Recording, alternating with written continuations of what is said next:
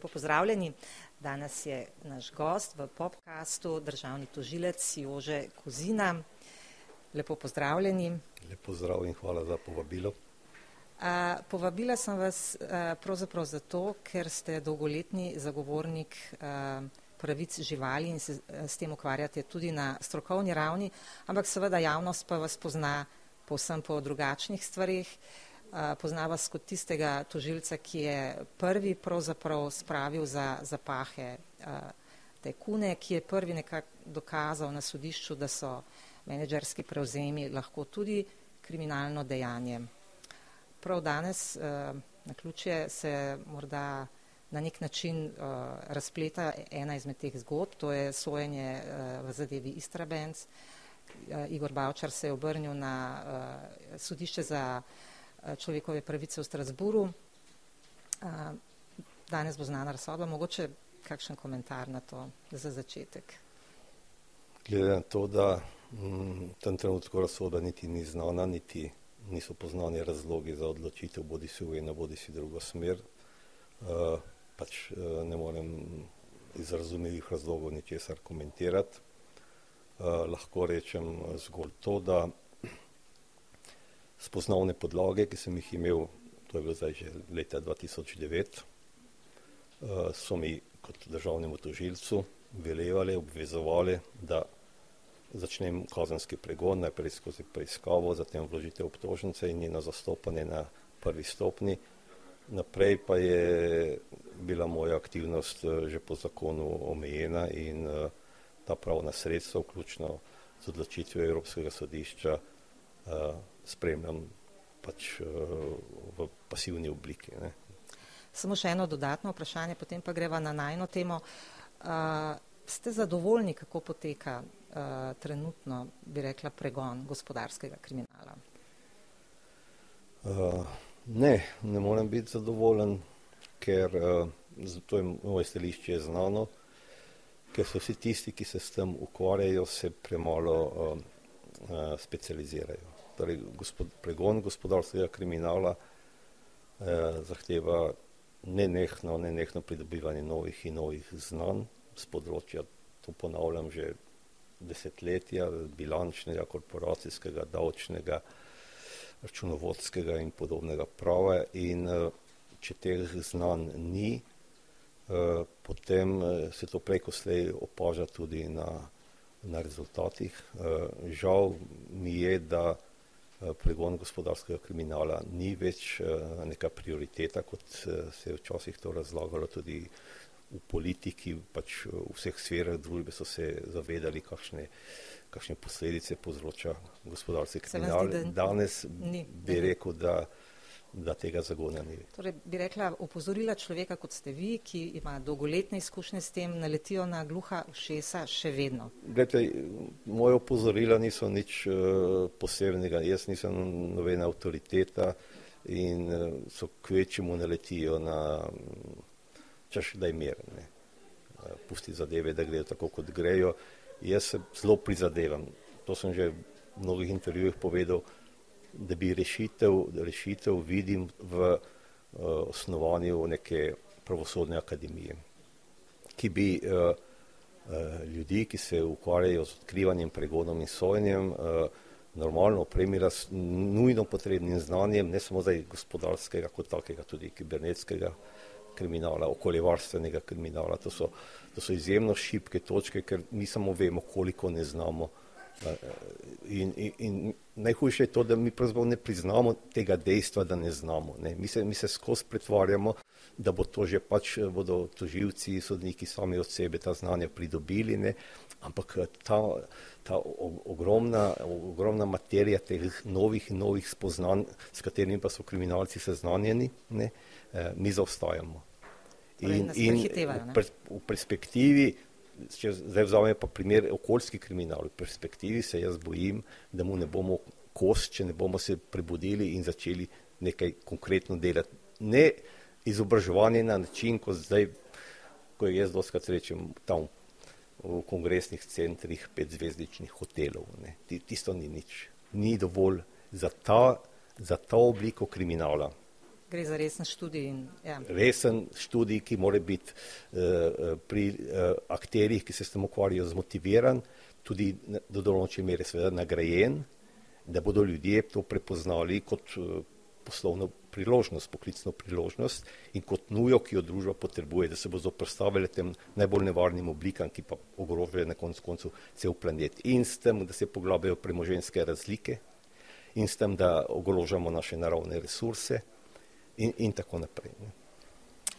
Uh, no, bi rekla, da ravno z enako strastjo, kot se ukvarjate s tem pravnim področjem, pa se ukvarjate tudi z nekim področjem, ki je še bolj morda spregledano, nas se gleda z, nekim določenim prezirom in, tako naprej. To je zagovarjanje pravic živali.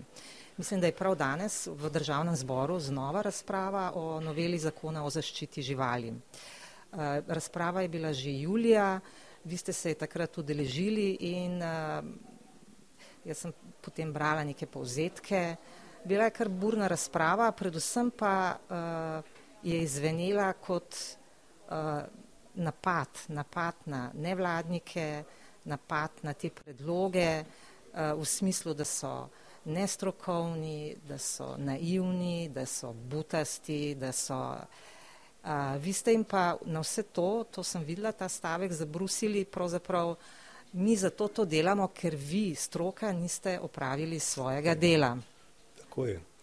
E, jaz imam občutek, da so pravzaprav uh, vsa akademska sfera, tudi uh, do zdaj je bila pretežen del politične sfere, znanstvene sfere, je bil na nasprotni strani. Ne.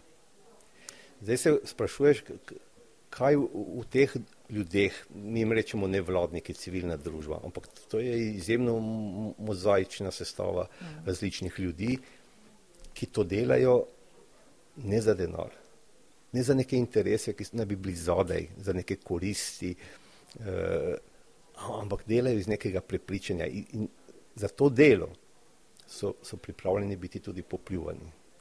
In jaz to cenim, ker se vprašaš, ker to, to ti, ti ljudje morajo biti vzor, ker ti, ti premikajo nekaj eh, za, z, v nasprotju z, z ostalo elito, ki želi status quo. Poglejmo v pogled v hlev, primer. Tako, tako. Eh, njihov argument je, da slovenski kmetje za živali lepo skrbijo, še, še bolj smešen argument je, pa da če bodo zdaj začeli ti noter kukati, da se bo, ne vem, prašičja kuga ja, ja. razbohotila ja. po slovencih in ne bo prav praktično izumrli zaradi tega. Ja. Zato, to, to so taki argumenti, ki so, ki so nevredni, infantilni. Mm -hmm. Jaz vem, da mogoče je res, da večina slovenskih kmetov lepo ravna s uh, rejnimi živalmi. Ampak ne pozabite, živimo v surovem kapitalizmu, rejna žival se gleda tudi skozi princip stroškov in dobička. To je prvo. Drugo, tudi če samo pet odstotkov ali pa samo dva odstotka teh ljudi muči živali, da živijo v, ne, ne, v nehumanih razmerah, da jih izkoriščajo, da, da trpijo, je potreben nadzor. Je potreben nadzor. Jaz vem, da 95% slovenske populacije ne krade v blagovnicah, ampak tam so kamere zaradi petih procentov in tudi mi sprejemamo, da smo pod kamerami. Nas ne motijo to, ne? Ja. ker nimamo teh namenov. Mhm. Tudi kazenski zakonik je tukaj kot ena, bi rekel, gajžla na zidu, kot pretnja. Mhm. Če boste to naredili, vas to čaka. Spet bom rekel, 95% ljudi nikoli v življenju ne naredi kaznivega dejanja, pa je kazenski zakonik eden ključnih, ključnih institutov v vsaki družbi. Torej, nadzor pretnja, če pa boste. In, in zakaj zdaj ti ljudje se tako obsesivno branijo s, s takimi infantilnimi izgovori in pri tem jih podpira seveda tudi stroka, biotehnička fakulteta, veterinarska, mediji, žal tudi mediji, ja, ja. Ki, ki producirajo te blogovske žalitve in, in tako naprej. Ne. Namesto, da bi, da bi stopili skupaj. Ja, še enkrat rečem, pa tukaj ne gre samo za živali, to je mm. pomembno. Tukaj ne gre samo za živali kot take. Mi s tem varujemo človečnost. Ker jaz, jaz sem to že veliko krat povedal, Kundera je takrat povedal, ne, enkrat lepo zapisal, tri stavke, ki te ganejo, slobce, ki te ganejo. da se človeštvo, dejansko člove, človečnost izkaže takrat, kadar imamo neko ingerenco, neko moč nad nekom šipkim. Takrat pokažeš, ali si človek, ali si, ali si nek monstrum, kaj ti, imaš oblast nad nekim živim bitjem. Najmanj od vseh živih bitij na tem planetu so zaenkrat še vedno, tudi na normativni ravni, zavarovane živali.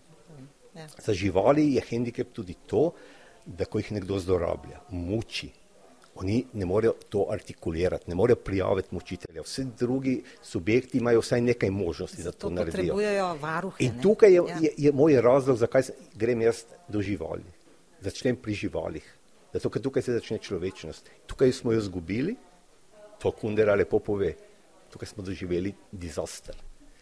Zato se jaz vračam k živalim, ja. zato da bi pri teh začel ponovno graditi to človečnost. Mi brez te človečnosti ne bomo preživeli. Poglejte, vsi rečejo podnebne spremembe, podnebna kriza. To so neke floskule, ki v bistvu ponazarjajo za naš nek strah, da, da nam je nekaj ušlo teh topo, topogrednih plinov preveč, da moramo zdaj to nekako zmanjšati in potem bo vse lepo in prav. Ampak podnebna kriza, če jo tako imenujem, ne, je samo en simptom te Eh, eh, eh, popolne, bom rekel, erozije človečnosti. Druge je, pogledajte, femicid. Berem v Franciji vsak dan moški, vsak tretji dan moški ja. ubije žensko. Grozljivo, ja. Poglejte Španija. pedofilijo v cerkvi, v moralni instituciji in njen odziv na pedofilijo. Poglejte ponovno restauracijo suženstva v delovnih razmerih. K nam prihajajo, posod prihajajo migranti, prihajajo delavci iz tretjih držav, popolnoma brezpravni, to, to, to, to jih lahko vsakdo izkorišča, kako jih hoče. Poglejte oboroževalno tekmo ponovno. Nobeno če slišite o kakšnem miru, o, o sporazumih, vsi do konca, na račun koga do konca in do katerega konca. Ne. Lahko bi mi dva zdaj naštevala niz teh problemov, ki izvirajo iz te erozije človečnosti. Živali so samo ena. Če se vrneva uh, k tej speci specifični temi. Uh, Kaj pravzaprav vas? Gledala sem vaš življenjepis, vi ste magistrirali še, bi rekla, za ene običajne teme, za pravnika, davki, neki na davke. Tudi, in tudi forenziko sem Ampak, končal iz računovodstva. Doktorat je pa že bil o tako, živalih in tako. vaš mentor ne bi bil, kot sem brala, Miro Cerar. Ne, vemo, in, in, in tam je zadeva propadla. In ste se že takoj, takoj. pri tej temeljnem vprašanju. Mislim, komisije. Bilo je, bilo je pravice uh, inherentna vrednost živali, per se, vrednost živali, zato ker žival? je živo bitje, da, da. Da, da izhajamo iz tega. Ja, ja. In, in meni je bilo rečeno diskretno, to, to ne sodi na, na pravno fakulteto, eh, to ni na nivoju, ne, stopte. Ja. Pač smo se rašli ker Ampak, so bile živali. So bili, ne, ne samo, ker so bile živali. Ampak Problem je si... moj, moj, nastavek že. Torej, da, da imajo živali neko inherentno intrinzično vrednost in da zato ne morejo biti instrumentalizirane zgolj za, kot sredstvo za potrebe ljudi, najbolj trivialnih potreb ljudi. Ne? In mislim, da, da, da, ta, da je to še vedno temeljni problem. To razumevanje. Ali žival vidiš kot nekoga, ki ima ja. uh, osebnost oziroma, kot vi rečete, inherentnost ja, in samo ja. po sebi in tako naprej. Ali je pa to predmet? Predmet, ki služi človeku, ja. um, to tudi vemo izhaja iz krščanstva, Bog je, mislim, ja, tako, eh, človek je. Janko uh, pooblastilo je bilo dano uh, v genezi. Ima, ja, na, ja. oblast nad vsemi uh, živimi stvarmi, sploh če je žival živa, ne, to je zdaj vprašanje, ker dolgo časa je tudi v naši zakonodaji pravzaprav bila žival navaden. Stvar, ja, stvar, predmet. Povejte, s kakšno muko smo mi tam zapisali zdaj v zakonu o zaščiti živali, to da je to čutna žival. Ja. Da je človek potreboval 2000 let po Kristusu, da je prepoznal, da žival boli, če jo udariš. Ja. Ja. To čutnost, to, da, da so živali, da, da lahko trpijo, smo mi rabili, mi smo to unesli par let nazaj. A, a vam to kaj govori o človeku? Veliko. Govori nam nasplošno o, o, bi rekla, stanju stvari na svetu, ja. ampak tudi o Sloveniji, ne? ker Sloveniji so Nekatere druge države so to prej uredile. Se vrnemo v parlament, govoriva zdaj o ja. teh malih korakcih, ki jih, hvala Bogu, posamezniki, bom rekel zdaj posameznice, ki, so, ki, ki imajo to senzibilnost. Tukaj moški eh, odigravajo obrobno vlogo. Tukaj je par posameznic, ki pelje to zadevo. Ja, torej, ja. z majhnimi koraki, pa še ti majhni koraki so preveč za nekatere. Ja, ne. In eh, ko gledate vi eh, zakon o zaščiti živali, vi morate prezreti tiste visokoleteče floskule notri na začetku, pa vmes pa to. Vi pejte na 26. člen.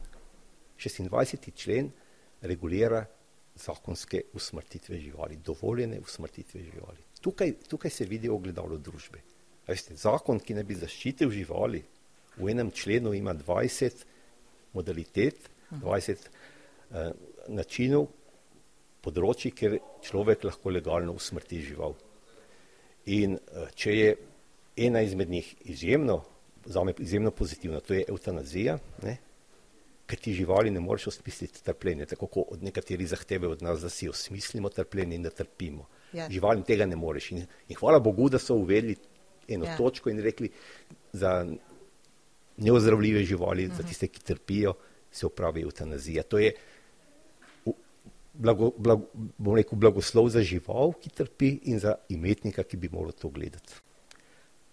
Potem imate pa nekaj notri, nekaj usmrtitev, za katere nas je lahko sram. Ne.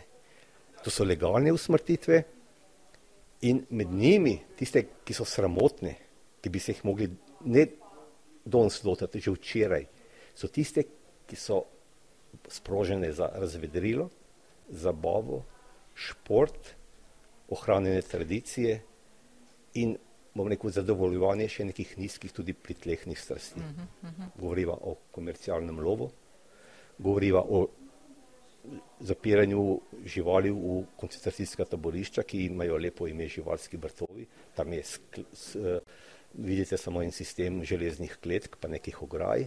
Kaj je tam asocira na vrt? Nič. To- Torej, eh, zadrževanje ujetniških živali do smrti, zato da jih gre človek popovdne v nedeljo pogledati, pelja še te otroke. Ne vem, kaj ta otrok dobi vtis, ko vidi žival v kletki.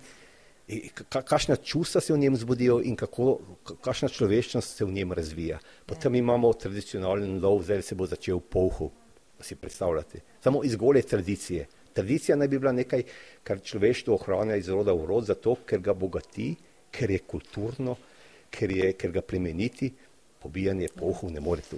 Eh, bi rekla, da eh, so bila norčevanja recimo iz predloga, da bi cirkuse prepovedali, ker kaj pa to pomeni, a potem tudi sejme, a kaj pa bo z lipico, recimo zakaj ne bi še naslovili tudi eh, tako, vi ste rekli, tradicionalne stvari, ne? Ja. To, da konjčki stopicljajo in uh, plešejo, seveda ni naravno vedenje konja. Ampak, ne. gledajte, še ja. nekaj, jaz, bi, jaz tukaj ne bi zašel na, na vse. Jaz bi rekel, da prvo tiste klasične cirkuse, potem pa od primera do primera, ja. kaj se z živaljo dogaja, ali se samo razstavlja, se z njo sprehaja in tako naprej.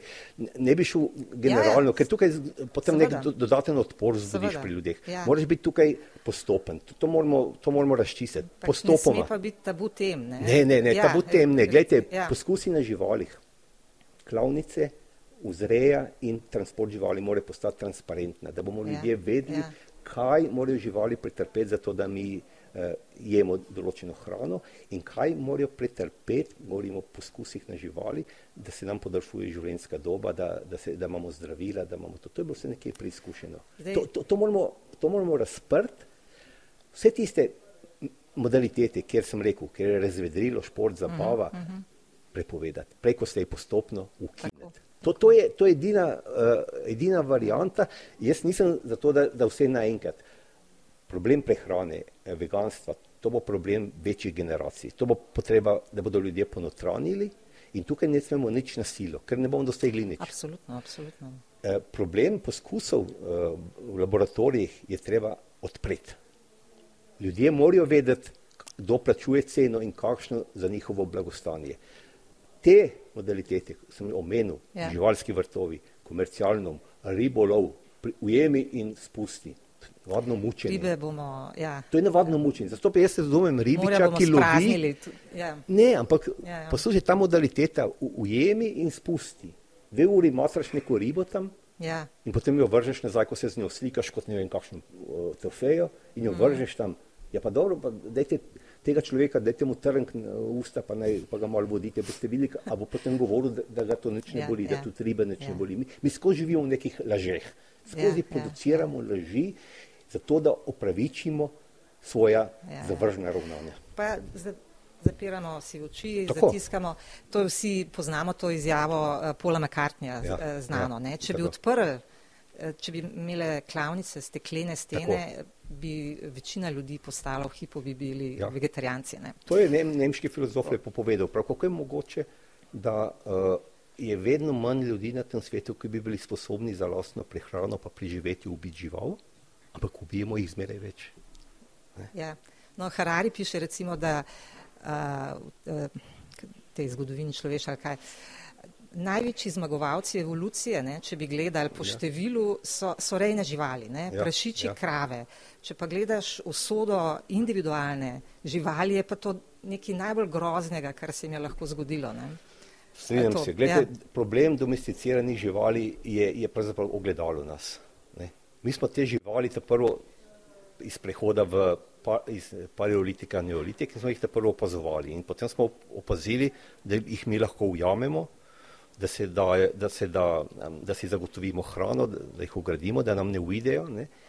In potem smo videli, da jih, da jih lahko tudi parimo, da, jih, da, da delamo reprodukcijo in takrat je, bilo, takrat je bil izvirni greh narejen človeški. Yeah. Ja. Izvirni greh. In mi, mi smo nekatere vrste, vzmimo psa, nismo ga iznakazili do konca. Danes lahko naročite na kitajskem kjerokoli pasmo in obliko, vam jo bodo sproducirali.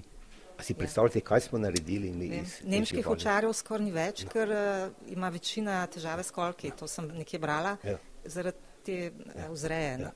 dolgoletne napačne. Ena, ja. ena teza je nekih animalistov, ki, ki je na prvi pogled absurdna, ampak ko, ko, jo, ko jo ponotraniš, da bi pravzaprav človeštvo moralo domesticiranim živalim omogočiti izumrtje, da končamo to zgodbo, to tragično zgodbo, ki se zdaj, eh, ki se zdaj bom rekel, eh, navezuje še na eksotične živali. Zdaj lovimo še te, jih trpamo v stanovanja, jih tam vrcvalimo, nimamo niti osnovnih znanj, eh, nimamo niti veterinarjev za njih, specialistov in, in tam so pripuščeni.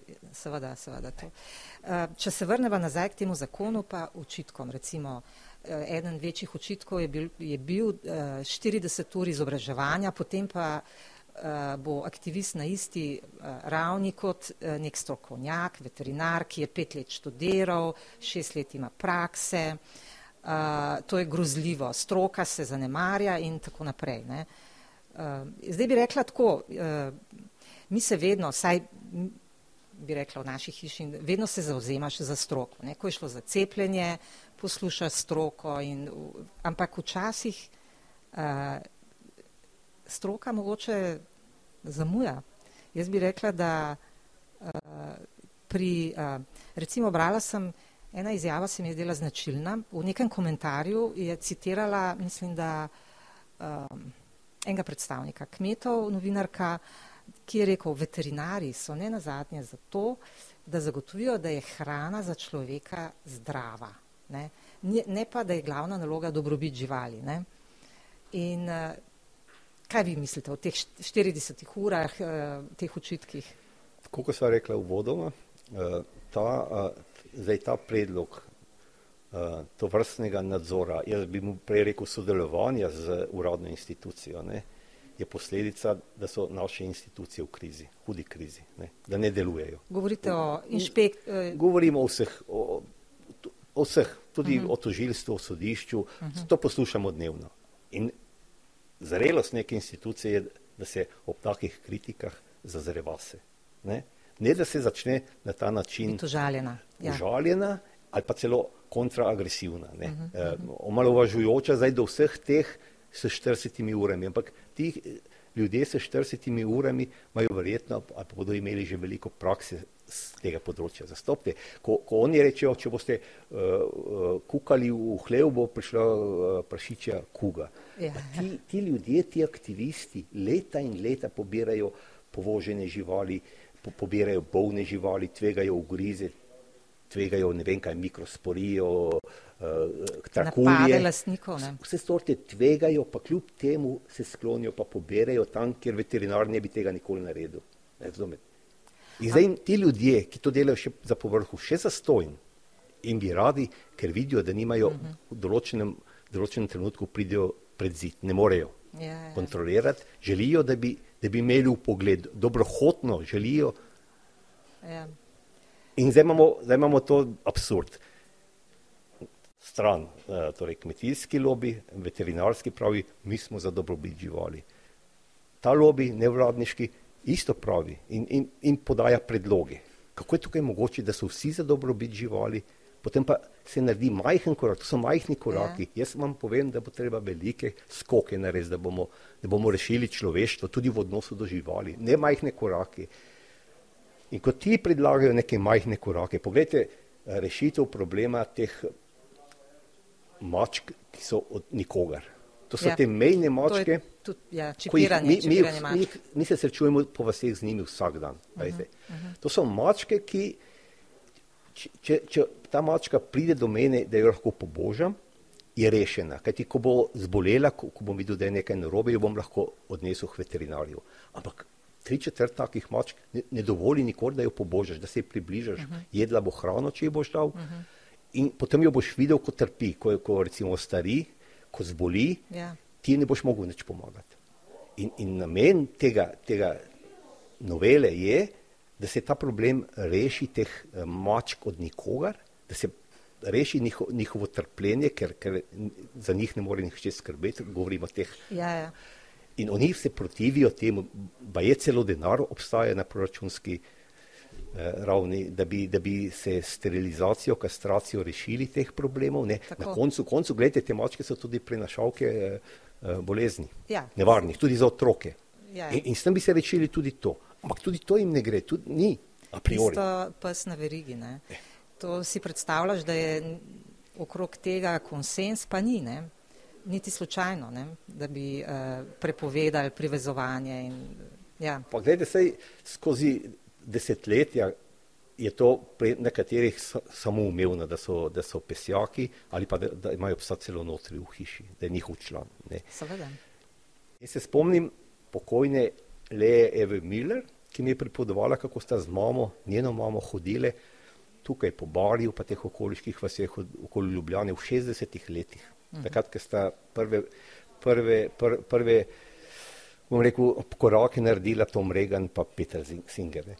On- Ona je hodila tukaj, ona za njih verjetno še vedela ni, ampak to je bilo nekdo, ki je iz notranje nuje to delal in so ljudje pluvali za njo, ker je samo upozorjala, da je treba vodo dati, pa da, da, da, da je treba namest, eh, ovrat, da je treba namest verige, vratnico dati, pa, pa, pa tako naprej, pa namest kratke verige. Ona je opozorjala in za njo so pluvali, kdo si ti, kaj si ti. Ampak ona je začela, ona je danes pozabljena, tudi njenih hči je pozabljena. Ja. Oni so začeli, Se- to, kar imamo danes, so, mogli, so bili ti koraki. Ne? Ampak v 40 letih, če greste vi danes v Romunijo, v Makedonijo, v Srbijo, boste videli, tam imate še zmeraj prizore, ko psi sred ceste ležijo in jih šoferji povozijo. Vem, vem. In iz Slovenije hodijo posamezniki, eh, skupine, nevladniki in rešujejo tudi te Ja, pse. ja. Mi bi pa tukaj, smo že dosegli nek nivo, ne? pa bi še, seveda nismo Seveda. dosegli še konca. In potem še en korak, Ja. k, ne, bom rekel, neki civiliziranem uh, uh, obravnavanju psa. Ne? In ponovno ljudje, ki so za dobrobit živali, naslovno, vsi orkestrirano izjavljajo, da so za dobrobit, tudi to rušijo. Ja, ja. Recimo um, dobrobit živali. Ne? To si zelo različno predstavljamo. Jaz to bolj poznam, bi rekla, iz filmov pa nadaljevanj, ampak verjamem, da je to narejen po uh, resničnih uh, primerih. Ne? Uh, rezanje repov prašičev, Ja. to se dogaja menda in to v visoko razvitih državah. Uh, v Avstraliji uh, je ovčereja, ne, prva stvar, eh, da, da so jim rezali zadke, ne vem če še, neko gubo na živo, Ja. ker da se jim ne bi neka ličinka tja in so potem živali kljub temu dobile to ličinko in umirale v mukah in tako naprej. Ne.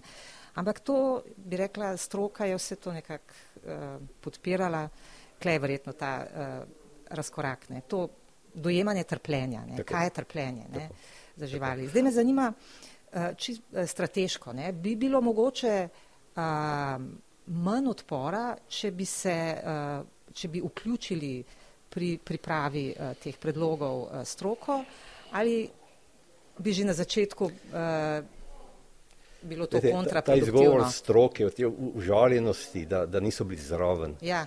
Eh, vsa ta leta so v prvi liniji, ki bi se mogli soočiti s problemi ja. dobrobiti živali.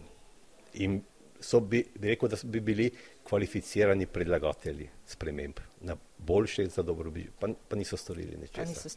Potem, ko nekdo naredi ne, ja. na mesto njih, pa poslušamo to. Še me zanima vaš komentar. Uh, partnerka uh, predsednika vlade uh, Tina Gabr se je zelo uh, angažirala, vključila v to in uh, na nek način, ne vem, kaj vi mislite o tem, je to produktivno ali uh, celo ne? kontraproduktivno, za, bi rekla, za Vete, to stvar samo. Za me je to vse produktivno.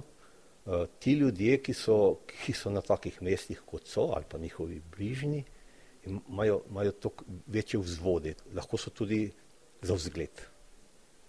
In uh, jaz ne vidim, ampak jasno pa je, da ti ljudje morajo sprejeti to, kar tudi drugi sprejemamo, da bomo popluvani, ja, da nas bodo tisti, ki niti eh, svoje, bom rekel, grdo bom rekel, niti lastne riti ne znajo obrisati, ti pa skrbijo še za druge stvari, ne, za druge živali, da, da, da nas omalovažujejo.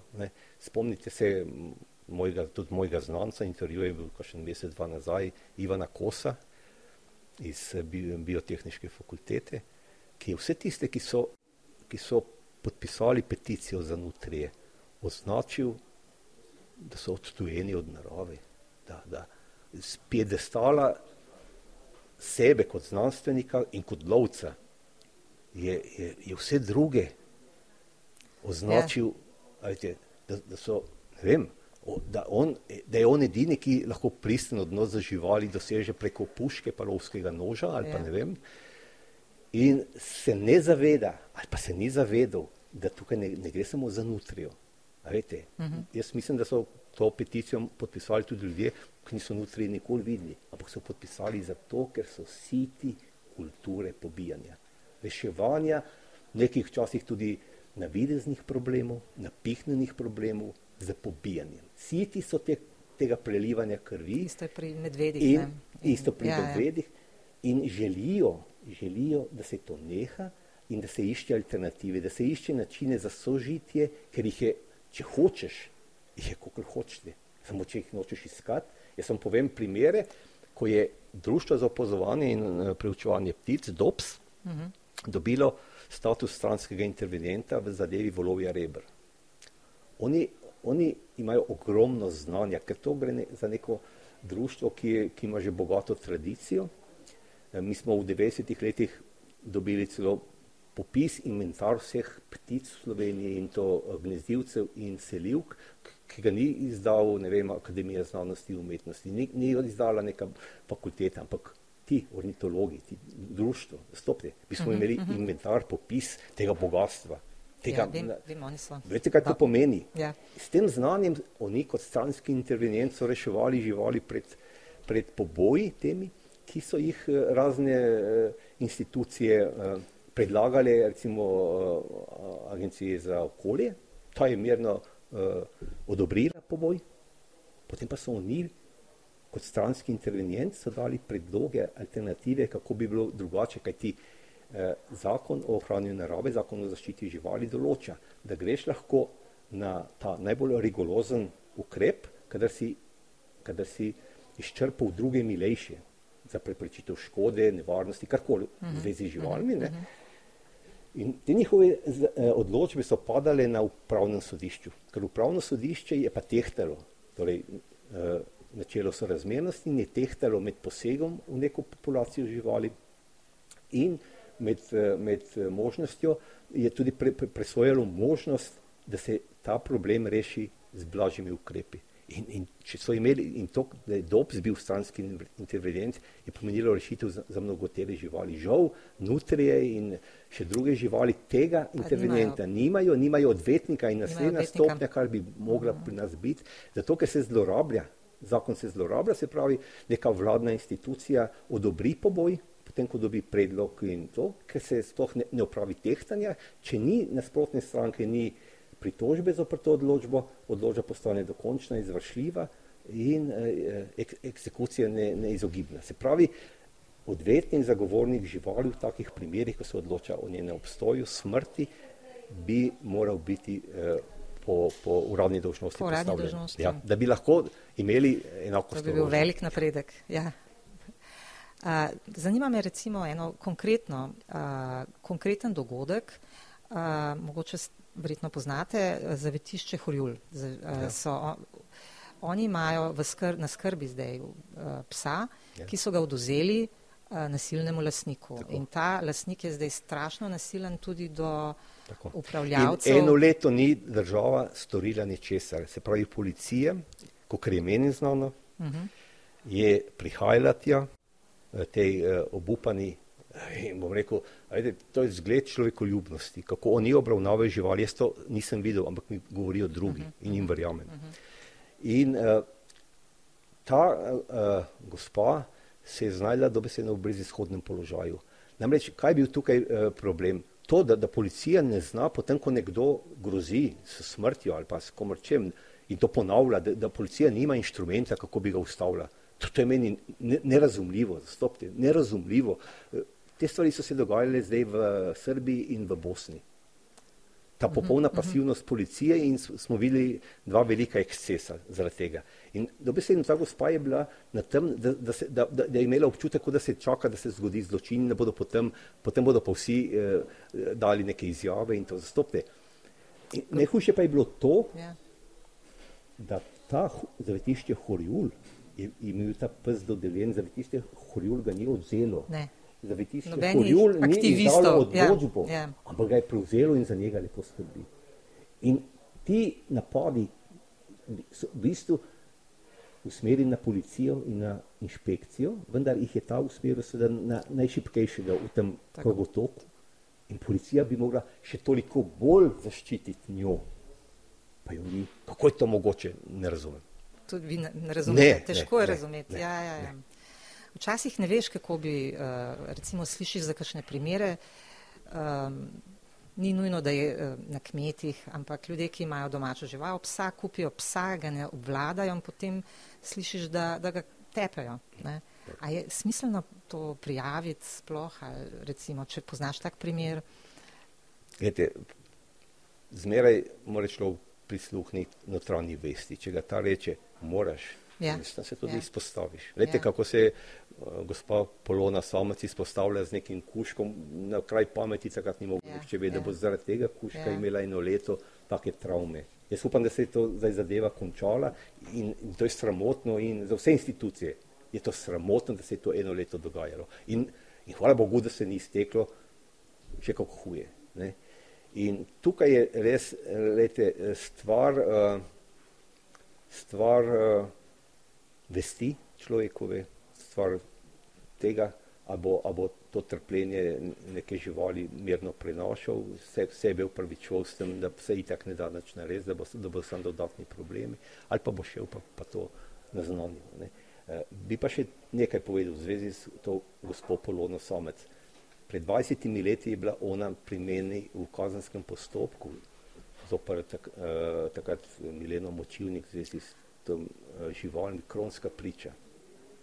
Pa se ni umaknila in povedala tako, kot je bilo. Že takrat je opravila ona ja. svojo državljansko dolžnost. Ja. 20 let skrbi za živali. Mm. Država pa ni opravila. Niti najbolj elementarne dolžnosti, da bi jo zaščitila, da bi ona lahko s svojim otrokom živela tam normalno življenje in opravljala to plemenito delo, ki ga opravlja. Uh, ali ste nasplošno optimistični, kljub vsem uh, tem, Vete, da gremo v neko pravo smer. Jaz sem vam povedal, uh, da bi bil optimističen, če bi, mi, če bi mi začeli reševati probleme pri izvoru. Se pravi, tudi podnebno krizo, uh, vse te femicide, vse te suženstvo delavcev, vse to bi mogli reševati pri izviru. Ne tukaj, na tej točki. Na tej točki ne bomo rešili nič, ker spet si lažemo da so krivi to, to plini, ki so nam ušli, pa da jih bomo nazaj stisnili, pa da bomo živeli srečno naprej. Mi imamo jih tukaj, mi smo tukaj totalno, totalno smo, smo kot reče, kundera, mi smo dosegli dizaster in če ne bomo šli od tukaj, od tukaj ne bomo upravili nič. Smo, smo spregledali prapročelo krize. Če bomo to prepoznali, sem optimist. Če ne bomo. Kako, uh, vi ste znani po izjavah, ki potem odmevajo, uh, recimo zaradi uh, ene izmed vaših izjav, da uh, kako je že šla da fino, da je levica prišla v državni zbor, da bo delo dobilo spet in delavci nazaj dostojanstvo, vas je celo etična tako, komisija. Tako, tako. Potem so vas, ko ste šli na naše podjetnike, ne, ja. da ne že nehajo jokati pa jamrati. Da, da naj davke plačujejo. Da naj davke plačujejo, če ja, pa njim ker, ni ker všeč. Tudi, ker tudi ugodnosti jemljajo eh, še tako. z večjo žlico kot mi. pa ne grejo, ne, če je tako hudo. Poglejte, jaz, jaz, pa to sem rekel, da sem jih jaz uh, izgonil iz države. Ja, ja. Jaz sem nisem povedal, oni so, oni tem kontextu niso izsiljevali, da bodo šli. Da ste bolševik in, in... Ja, da, da sem bolševik. No. Pa kaj še vse človek skozi življenje mogo slišati. Ampak hočem vam povedati, pa sej, to je normalno, jaz, jaz sem prišel iz delovskega, mogoče malo kdo je tako prišel iz tako globokega tega delovskega okolja kot sam, ker sem bil tri leta pa pol delavec. Ne. In meni je treba govoriti, eh, kaj se z delovci dogaja, pa kako jih kapital izkorišča. Jaz sem to videl takrat, vidim danes, uh, se tudi eh, delam na področju kršitve delovnih pravic. Jaz to vidim dnevno in, in meni govori, to isto rečejo, kot rečejo kmetje, pa se mi lepo skrbimo, tako reče yeah. Ja, tudi ja. kapitali, se mi lepo skrbimo za delovce. Ne. Yeah. Ja. Ne, kaj nas sploh nadzirate? Ne. Tako, tako. Ne, ampak, gledajte, realnost je pa strahotno drugačna. Imate ist, podobne odzive, uh, da ste naivni, da ne vem kaj, zaradi vašega zauzemanja Glejte, za, pa, za živali, recimo. Ja, tudi. ampak jaz sem že rekel, pa daj, daj naj plunejo, jaz grem naprej. Jaz, jaz zmeraj uporabljam to cankarjevo prispodobo, ne, uh, da se določenih ljudi se izogibam. Ne, se jih, ne, ne želim z njimi konflikta, ker vem, kdo so, kaj so, sem toliko časa že na svetu, ampak če za mano vržijo komen, sem vesel, da so ga vrgli ker sem pokažil, da nisem njegove sorte, dobim potrditev. Ne. To je, to, to je eno moje načelo. Ne. Jaz ne iščem konfliktov, uh, vendar pa uh, ranljive skupine ljudi, ljudi, ki so na margini, uh, ljudi, ki, so, ki trpijo zaradi človekih predsotkov, žlehnobe uh, in tako naprej, ti ljudje so mi blizu. Ti ljudje so mi, ker enostavno mogoče sem, imam to senzibiliteto, da, da da se lahko uživim v njihovo trpljenje in, in na nek način takrat trpim tudi sam. Ne. Spomnim se res ene izjave te gospe Millerjeve, ki mi je rekla, gospod Kozina, kdo bo meni poplačal uh, neko odmeno, očkodnino za to, da sem celo življenje trpela, ko sem videla trpljenje živali. Ne. Sem rekel, nišče vam ne bo plačal. Ne. E, tako ste rojeni, tako ste, ste s to bolečino ste, ste šli v štric celo življenje. To je to, ne. E, Nekateri tega nimajo, nekateri imajo pa izjemne sposobnosti pluvanja, zaničevanja, eh, in, in, in, ampak sobivamo. Ampak jaz se svojih, svojim načelom ne bom odrekel nikoli zaradi tega. Gospod Kozina, najlepša hvala za pogovor. Še enkrat hvala za povabilo tudi vam. To je bil a, naš gost Jože Kozina, državni tožilec in dolgoletni zagovornik pravic živali.